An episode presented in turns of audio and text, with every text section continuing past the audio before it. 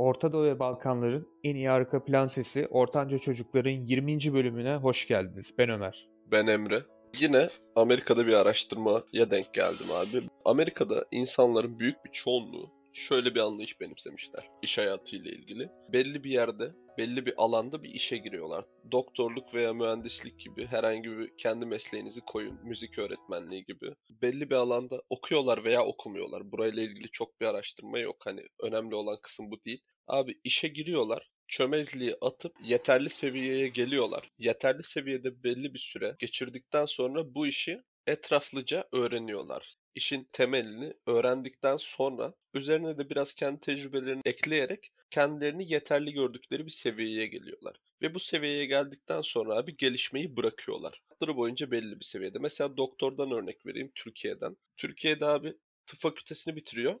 TUS'a giriyor maksimum. TUS'tan sonra %95'imiz falan uzman olarak kalıyor. Hedefinde belli bir kısıt var. Uzman doktor olduktan sonra ya ben bu işi yapıyorum bir yandan da acaba yardımcı olsam falan mı diye çoğu insan bakmıyor. Uzman doktor onun için yeterli bir title, yeterli bir iş başlığı. Ondan dolayı burada kalıyor. Amerika'da bu her alanda var abi. Mesela adam çömlekçi. Adam ilk başta hmm. hani kursa gidiyor. Kursa gidip çömlekçilik yapmayı öğreniyor. Belli bir seviyeye geliyor çıraklığı görüyor, kalfalığı görüyor. Adam ustalığa oynamıyor. İyi bir kalfa olmaya oynuyor.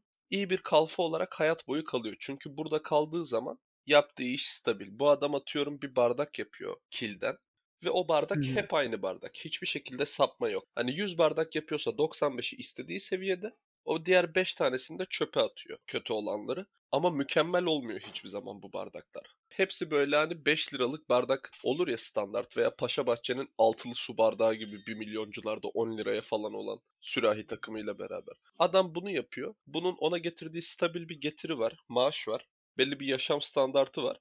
Adam büyüdüğü şartlardan daha iyiyse, hani yüzde bir bile daha iyiyse bunu sağladıktan sonra gelişmeyi bırakıp hayatı boyunca aynı işi yapmaya devam ediyor ve bundan sıkılmıyor. Burada kalıyor. Çok saçma. Evet. Mesela en baştaki insanın beyninde şu vardır değil mi? Acıdan kaç. Olay ne burada? Olabildiğince hani kendi ego tatminini sağlıyor kişi. İşte bir ünvanın oluyor. Hani dediğin gibi mesela uzman doktora kadar çıkıyor kişi. Sonra diyor ki yeter. Tabii ki de kişinin kendi şeyine kalmış. Ayrıca doktor öyle bir ünvanı çıkmak da kolay değil bu arada. Verdiğimiz örnekte biraz aslında absürt ama. Doktorların abi yarısı direkt hani ilk başta tuz çalışmayıp pratisyen kalıyor. Diğer yarısı TUS'a giriyor. Belli bir alan seçiyor kendine. Belli bir tekrardan sonra orayı kazanıyor veya hani daha azına kabul ediyor. Burayı kazanamadım burası olsun diyor. Ulaştıkları genelde çoğunun maksimum invan hani sınavı kazanıp asistanlığı yapıp bitiriyorlar. Uzman doktor oluyorlar. Bunun yard doçu var, doçu var, yükselişi var. Bir ton aslında alabileceği daha üstüne bunun çok fazla alan var. Ve her seferinde yükseldikçe daha fazla getirisi olacak. Ama adam belli bir yerden sonra tamam diyor. Bu benim hayat standartım için yeterli.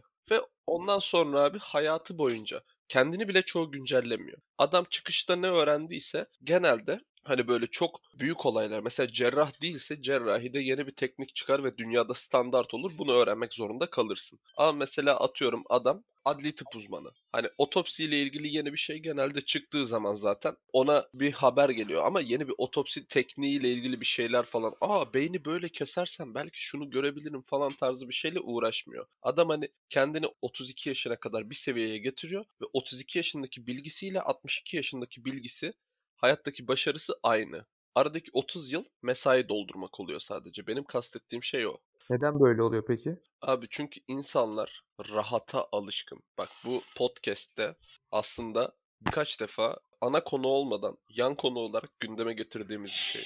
İnsanların genelde üniversitede bir iki yıl geçirdikten sonra belli bir hedefi oluyor. Ben işte X olacağım. İşte ben insan kaynakları müdürü olacağım. Ama o hedefe ulaşmak için sadece çalışıyorlar. Çünkü aslında daha yeni geliştikleri ve hayatlarını kuracakları dönemde kendilerine aslında hayali bir sınır koyuyorlar. Ve evet, bu sınıra yeterli şekilde çalışırlarsa elbet ulaşacaklar. Mesela 1 üzeri 365 1'dir abi değil mi? Üslü sayılar. Hı-hı. Ama 1,01 üzeri 365 37,7'dir. Bu ne demek abi? Sen %1 bile çalışsan bunu devamlı yaptığın zaman belli bir artış göreceksin. Bak %1'lik bir farkla 37.7 kat daha fazla bir sonuç ortaya çıkıyor. Bu basit bir matematik. Bu matematikten dolayı insanlar kendi koyduğu bir hedef var. O hedefe gelene kadar da çok şeyden kısıyor.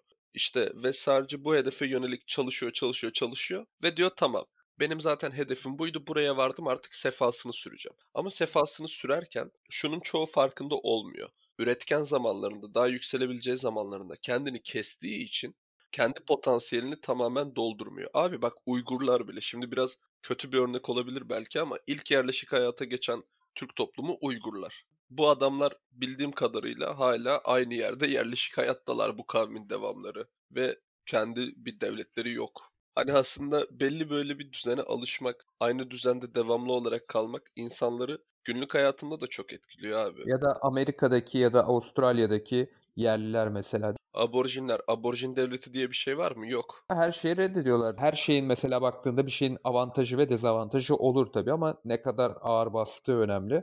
Dünyadan kendilerini tamamen mesela soyutlamışlar. Yeniliğe tamamen kapalılar. Kimine göre iyi ama çoğumuza göre kötü bir hareket tabii. Öyle abi. İnsanlar aslında tam böyle dediğim gibi kendilerini geliştirebilecekleri son safhaya kadar geliştirmeye açık değiller. Çünkü bir insanın özellikle Türkiye ile Avrupa'yı karşılaştırdığımızda kendini geliştirmesi çok külfetli bir şey. Ama neden acı çeksin ki şimdi o kişi de durduk yere ona bakıyor yani. Saygımı kazandım, paramı kazandım. Daha beni ateşleyecek ne olabilir falan diye düşünüyor.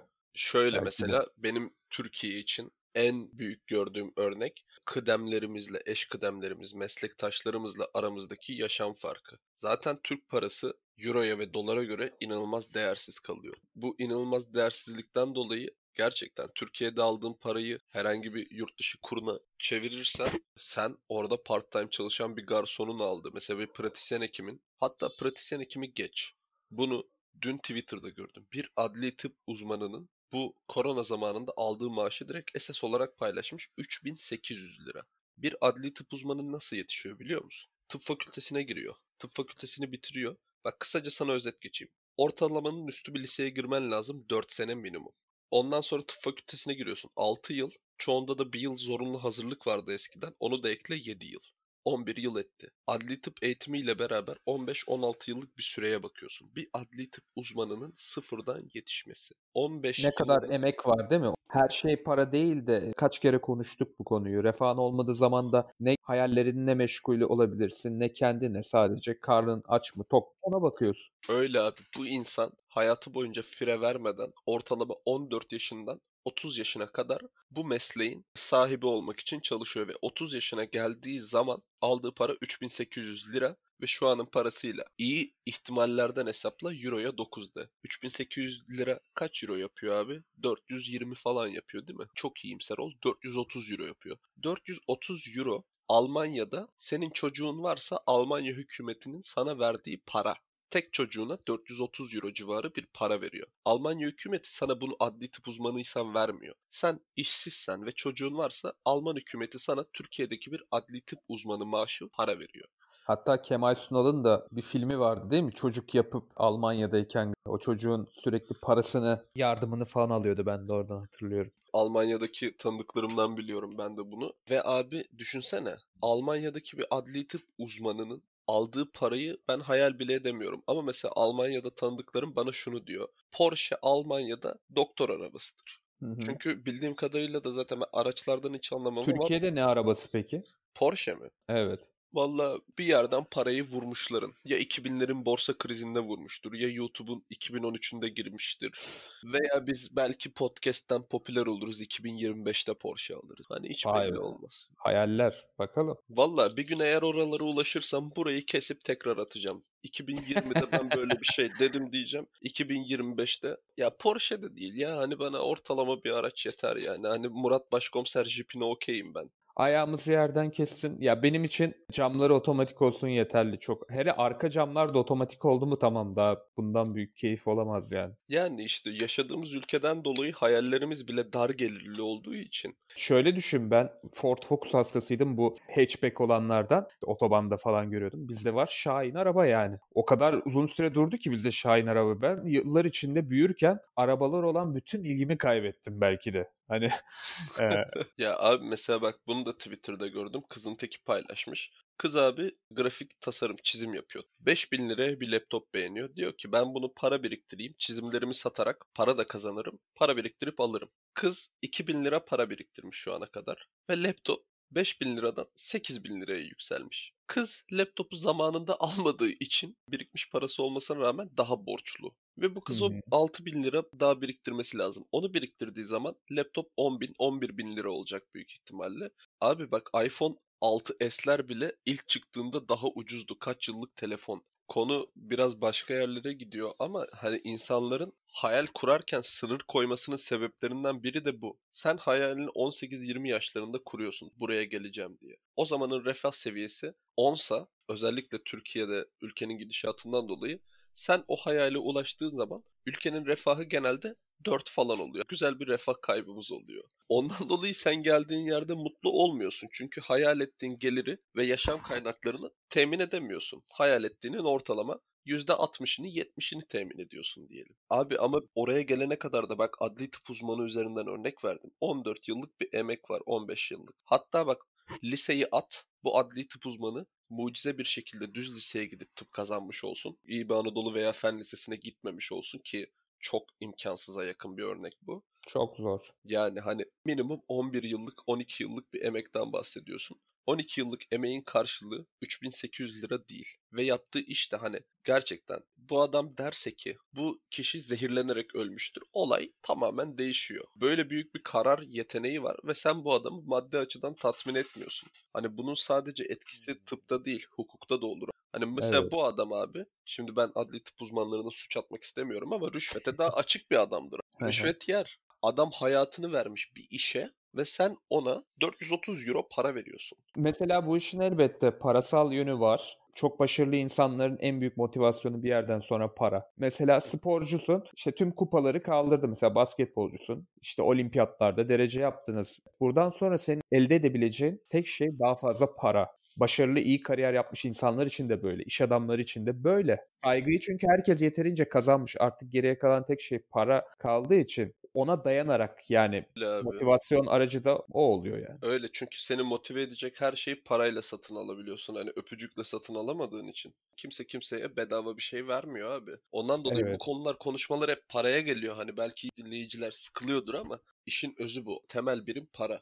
Benim de garip bir sorun var. Mesela kafamda olan bir soru var. Şöyle şey dedim ben bölümün başlarında hatırlarsan. Hani insanlar acıdan kaçmaya yönelik kafası her zaman. Bizim biyolojik aklımız her zaman acıdan kaç. Her zaman hazza doğru git mantığında çalışıyor. Sence neden böyle evrimleşmiş olabiliriz? Yani yabancı olan şeyi hani değişime açık olmak gerçekten zor değil mi bir insan için? Hatta belli bir yaştan sonra gelişim nedir insanlar unutuyor ya da değişik bir düşünceye bile kimse açık olamıyor. Sence neden bu kadar zor oluyor? Yeni bir şey öğrenmek bu kadar insana neden acı veriyor da insanlar hani gelişime kapanıyor ve bu nedenle de herkes kendine comfort zone belirliyor. Şundan dolayı abi bu yine büyük bir ihtimalle genetik mirasla alakalı bir şey. İlk insanlar bildiğin mağaralarda zar zor buldukları ateşin başında falan yaşayan insanlar ve dışarı kafasını çıkarttığı zaman hop T-Rex. Böyle bir dünyadan gelen bir canlının sen torunlarısın. Bu adamın hayat boyunca zaten bildiği tek bir şey var. Zor bir doğum geçiren annenden çıkıyorsun. Hani şimdiki gibi sezaryenler, bilmem neler, ıkınlar, tuğlalar, suda doğumlar yok. Mağarada büyük bir ihtimalle taşa düşüyorsun bıngıldağının üstüne. Yani şimdi hamileyken fotoğraf çekinmeyeni dövüyorlar yani manken gibi po-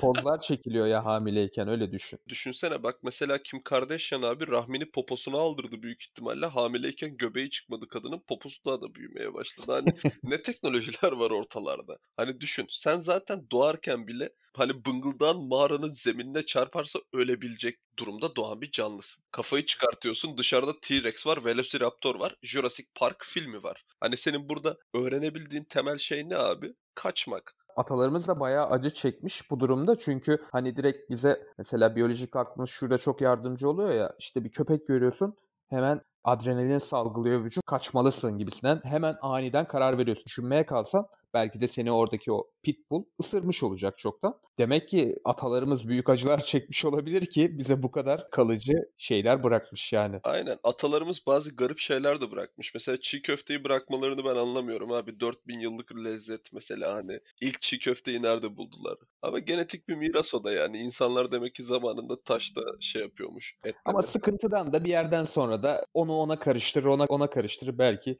Yenilik istersin kim bilir. Öyle abi mesela dünyada bulunan ilk tarif yani bizim kalıntılarını bulduğumuz ilk tarif ne tarifiymiş biliyor musun? Ne tarifi? Bira tarifi abi. Mesela insanlar o zamandan bak işi gücü geçtim. Dışarıda kafayı çıkartıyorsun. Hop T-Rex Velociraptor'u geçtik. Kafayı doğarken Bıngıldağ'ın mağaranın zeminine çarpmayı geçtik. Adamlar bak yazıyı bulmuş. Tarif olarak şey yazmışlar. Bak abi her şeyi unut. Bunu unutma deyip ilk başta biranın nasıl yapıldığını yazmışlar. Hani demek ki insanlar gerçekten hani zor bir hayatta bir şekilde mutlu ve rahat hissetmeyi her zaman ön plana koymuş. Bak ilk tarif bira tarifi. Bira karın doyurur mu abi? Hayır. Bira kafayı güzel yapar yaparsa. Bira Hı hı. kiralanan bir içkidir. İçersin, içersin. Alkol olarak da çok fazla içmediğin sürece sarhoş etmez yani. Ama insanları mutlu hissettiriyor bir şekilde. Bence burada bir de önemli olan konu şu Emre. Teoriyle pratiğin bir türlü tutmaması. Mesela o insan sorduğun zaman ben bu olmak istiyorum, ben şu olmak istiyorum, hedefim bu falan diyor değil mi? Diyelim işte makine mühendisi oldu kişi hayalini gerçekleşti diyelim. Çocukluk hayali başardı. Ama sorsan memnun değil çünkü hani yemek bile yerken belli bir efor sarf etmek zorundasın. Bazen o efor o tutkuyu karşılamıyor. Çoğu insanda aslında istediği şey o mu değil mi de emin olamıyor. Orta yaşlarında mesela bir üniversiteyi kazandığı zaman, hayal ettiği bölümden mezun olduğu zaman tatmin olamıyor. Yani hayalde olan şeyler her zaman daha güzel gelir ya insana. Öyle Ama abi. pratiğe bir dökersin. Yok. Her şey demek ki kafada olup bitiyormuş diye görürsün. Biraz da bu durum da insanlarda hayal kırıklığı yaratıyor ve motivasyonlarını düşürüyor gibi geliyor bana. Şöyle bir anım var. Ferhat Paşa'dayken böyle ikinci sınıfta falanım. Birinci sınıfta olabilir. Böyle gösteri tarzı bir şey yaptık. Orada bir tiyatro oyununda ben de doktor rolünü oynadım. Oynamamın sebebi de ailesi hastanede çalışan sınıfta tek kişi bendim. Ama mesela oradan gelme yavaş yavaş bir tıbba itelenme var. E ben de seviyordum işi. Hayalimdi yani doktor olmak. Ama mesela geçen abi nöbetteydim. Bir tane hı. hasta vardı. Beni tıptan soğuttu. Ben şu an internüm. Benim yaptığım iş genel olarak kan almak tamam mı? Ama adam onda bile o kadar sıkıntı çıkartıp arkamdan laf etti ki. Ama ben de şimdi karşılık veremem. Çünkü şey yani ben fakülteden mezun olmak istiyorum. Hani mezun olduktan sonra karşılık veririm onun cezası maksimum para. Ne söyledi? Ya işte salak saçma şeyler. Ya çok sıkıntı bir adamdı. Çok fazla hastanın özeline girmek istemiyorum ama gerçekten okumamış, cahil bir insan olduğu yüzünden ve tavırlarından belliydi. Hani kazanamayacağınız bir tartışma. Ama ettiği laflar hala beni sinirlendiriyor. Yani bu sürekli aklımda kalıyor ve beni gerçekten soğuttu. İnsanların neden zor bölümler yazmadığını Türkiye'de anlıyorum. Gerçekten. Bu ülkede gerçekten cerrah olduğun için sana sırf asistanlığa başladığın ilk gün araba vermezler ama en azından bir plaket vermeleri lazım. Çünkü çok zor ya. Dayı senin durumun zor. Bu kanı bir şekilde almam lazım. Adam bağırıyor, çağırıyor bilmem ne, zart zurt falan. Ama var ya Dayıcım bak biz keyfimizden almıyoruz bu kanı. Kontrol için almamız lazım. Ama o kadar böyle sinirlerimi bozdu ki hala üstümden atamıyorum ya. Basit bir kan alma. Ondan sonra serviste diğer gittim. Dayıyı bıraktım. Dedim sizden başkası alsın öyleyse ben uğraşmıyorum. Tüm kanları aldım vesaire. Dayıdan hala kimse kan almamış. En son birine söyledim. Hemşirenin tekine. Hemşire de diyor ki ben plastik cerrah hemşiresiyim. Ben oraya bakmam. Hani o da böyle hani iki dakika bir güzellik yapmıyor. Neyse sağ olsun başka biri gitti halletti yani duyma implantı olan bir hemşire var. Onu kapattı odaya girdi kan aldı çıktı. Hani sağır bir insan sadece kan alabildi dayıdan. Yani bu durum sende de hayalli olan işten ufak da olsa bir soğuma Öyle abi. yaratmış oldu. Öyle abi kesinlikle soğutuyor. İnsanlar insanları soğutuyor ya. Yani şöyle söyleyeyim bir kere hep diyoruz ya toplum mutlu olmadan, insanlar mutlu olmadan sen olamazsın. Bir kere zaten tanımadığın insanla her zaman bir üstten konuşmak var. Duyarlı insanla, bilinçli insanların kanına dokunuyor böyle şeyler. Öyle abi ben o dayıdan kan alabilecek seviyeye gelmek için tam tıp fakültesini uzatmış olabilirim ama düzgün bir liseye gitmek için uğraştım. Ondan sonra fakülteye girdim. Fakülteye de hani 8 yılımı vermişim. 8. yılımdayım fakültede. Hayırlısıyla mezun olacağım. Ben o dayıdan o kanı o gecenin bir vaktinde alabilmek için 12 yıl uğraşmışım iyi kötü. 12 yıl lan. liseden beri dile kolay 12 yıl ve 12 yılın sonunda duyduğum şey hakaret. İnsanı bu soğutuyor zaten. Ne söyledi? Burayı kesin. Ne burayı kesiyor musun? Keserim. Ya Ne işte söyledi? bu beceriksiz işte kan almayı bilmiyor. Ya ama bak dayının da şimdi bir kolunda damar yolu var. Damar yolu olan koldan kan alınmaz. Diğer kolunda da düzenli diyaliz alacak hastalara kolundan ameliyat yapıyorsun. Büyük Hı hı. damarları koluna bağlıyorsun. Hani sürekli sürekli karnını delmemek için koluna bildiğin aort gibi kalın kalın damarlar bağlıyorsun. Kolu bisepsi 40 santim oluyor dayının damarlardan dolayı. Öyle büyük damarlar. Orada diyaliz var. Hani benim ön kolundan kan alabilirim sadece. Ön kolunda da damar var. Dayıya da iğneyi ön kola batırdığın gibi çok canı yanıyor. Ama bilekten de kan almak o da arteriyel kan. Bana venöz kan lazım. Arteriyel kan da alamam. Tek ön kolu kaldı. Sizin şu an bak şunu net söylüyorum. Şu an böyle ezdiğiniz insanlar belli bir mesleğin sahibi olabilmek için bak ezdiğin kaportacısın, sanayicisinden tut. Hepsi abi minimum bu işe 8-10 yılını veriyor. Öğretmeni düşün. Liseden düşün. 4 yıl lise, 4 yıl üniversite, bir ton KPSS Zartürt. Oraya gelebilmek için neredeyse 10 yılını veriyor. Sosyal bilgiler anlatabilmek için Hatay'da atıyorum. Veya benim arkadaşım fen bilgisi anlatıyor Reyhanlı'da. Fen bilgisi öğretmeni. Adam 10 yılını verdi oraya gelebilmek için. Sen o adama gidip posta koyamazsın. Aynısı kaportacı için de geçerli. O çocuk ne yapıyor? Çocukluğundan giriyor, çıraklığını yapıyor, kalfalığını yapıyor. Belli bir şekilde usta oluyor. Minimum senin arabanın motorunu, zartını, zurtunu tamir etmek için veya göçüğünü çekmek için adam 10 yıl boyunca bir şekilde eğitim alıyor.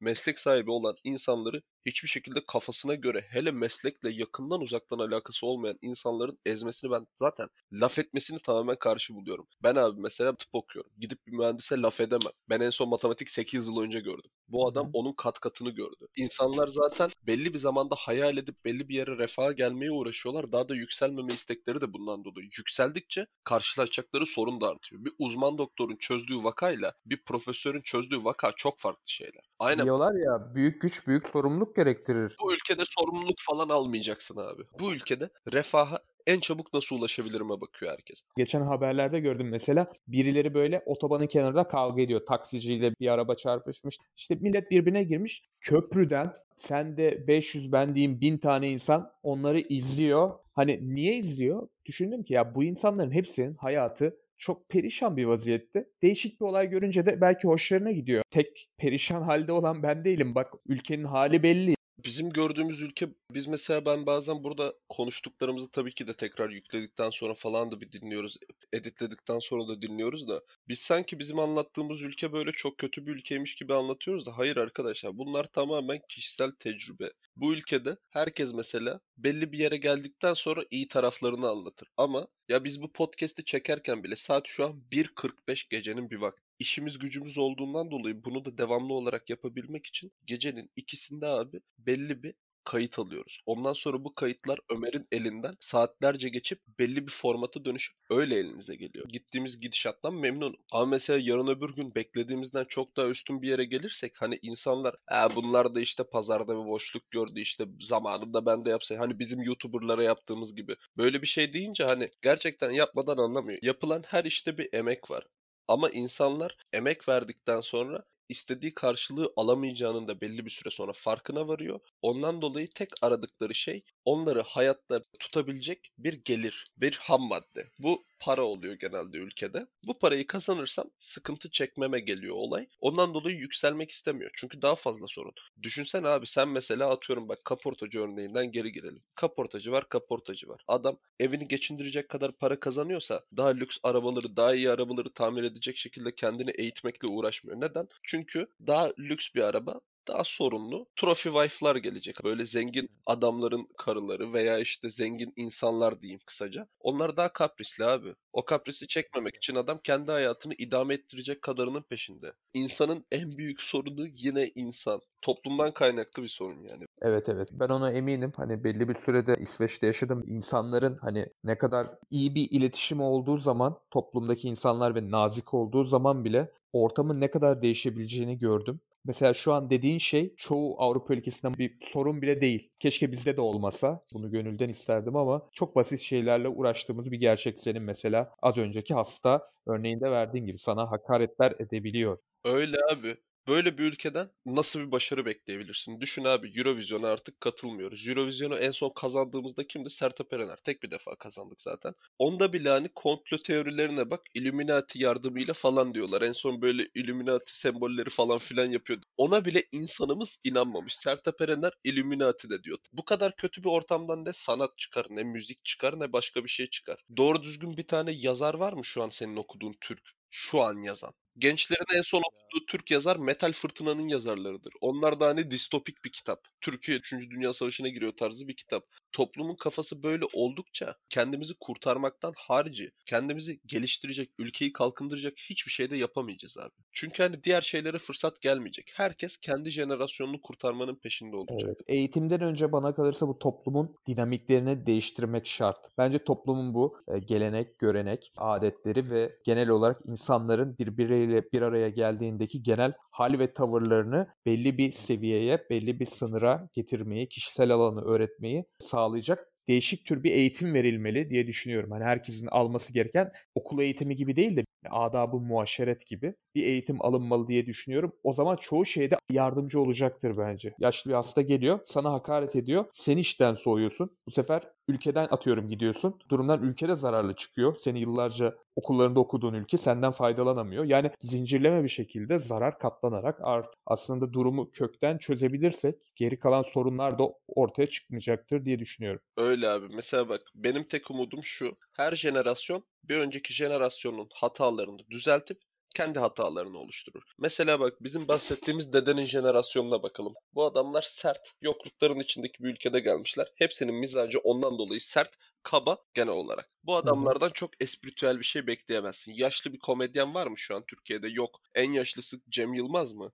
Mesela bizim jenerasyon da bu davranışların yanlış olduğunu bildiğinden dolayı bunu düzeltecek. Görüş olarak daha açız. Bundan 15-20 yıl önce falan böyle açık bir şekilde atıyorum eşcinsel haklarını veya İstanbul Sözleşmesi, feminizm bunlar çok konuşulamazdı. Bizim jenerasyonumuz bunları düzeltiyor. Ama bizim jenerasyonumuz da kendi hatalarını yapmaya başladı. Herkesin inanılmaz yüksek bir egosu var. Bizden sonraki jenerasyon da mesela daha selfless olacak. Bu eskiden beri olan bir şey. Mesela boomer denen bu jenerasyon var ya şu an dalga geçtiğimiz. Hı hı. Bunlara boomer denmesinin sebebi 2. Dünya Savaşı o kadar çok insan ölüyor ki dünyada. Bu adamlar savaştan kurtulduktan sonra ve savaşla büyüdükleri için her böyle ellerindeki her şey savaşa gittiğinden hepsi ceplerine kalıyor. Geniş geniş araziler var ve bu adamlar sadece ellerindekini işleyip çocuk sahibi oluyorlar. Çocuk nüfusunda patlama oluyor. Boom oluyor. Hani bu adamlar mesela bir önceki jenerasyon öldüğü için bunlar bol bol yaşatmışlar. Bir önceki jenerasyon hatası bunların gözünde ölmek. Mesela anneannemler yedi kardeş. Boomer jenerasyondan kastım bu. Şimdi ikiden fazla çocuk genelde insanlar yapmıyor. Liberaller bir yapıyor. Biz de onların hatasını düzeltmişiz. Ortamda çok fazla insan var. Ondan dolayı daha kontrollü bir şekilde aile planlaması yapmışız. Benim de umudum bizim jenerasyonumuz bu hatayı düzeltecek. Bizden sonrakiler bizim hatalarımızı düzeltecek. Ama kökten bir çözüm olmayacak.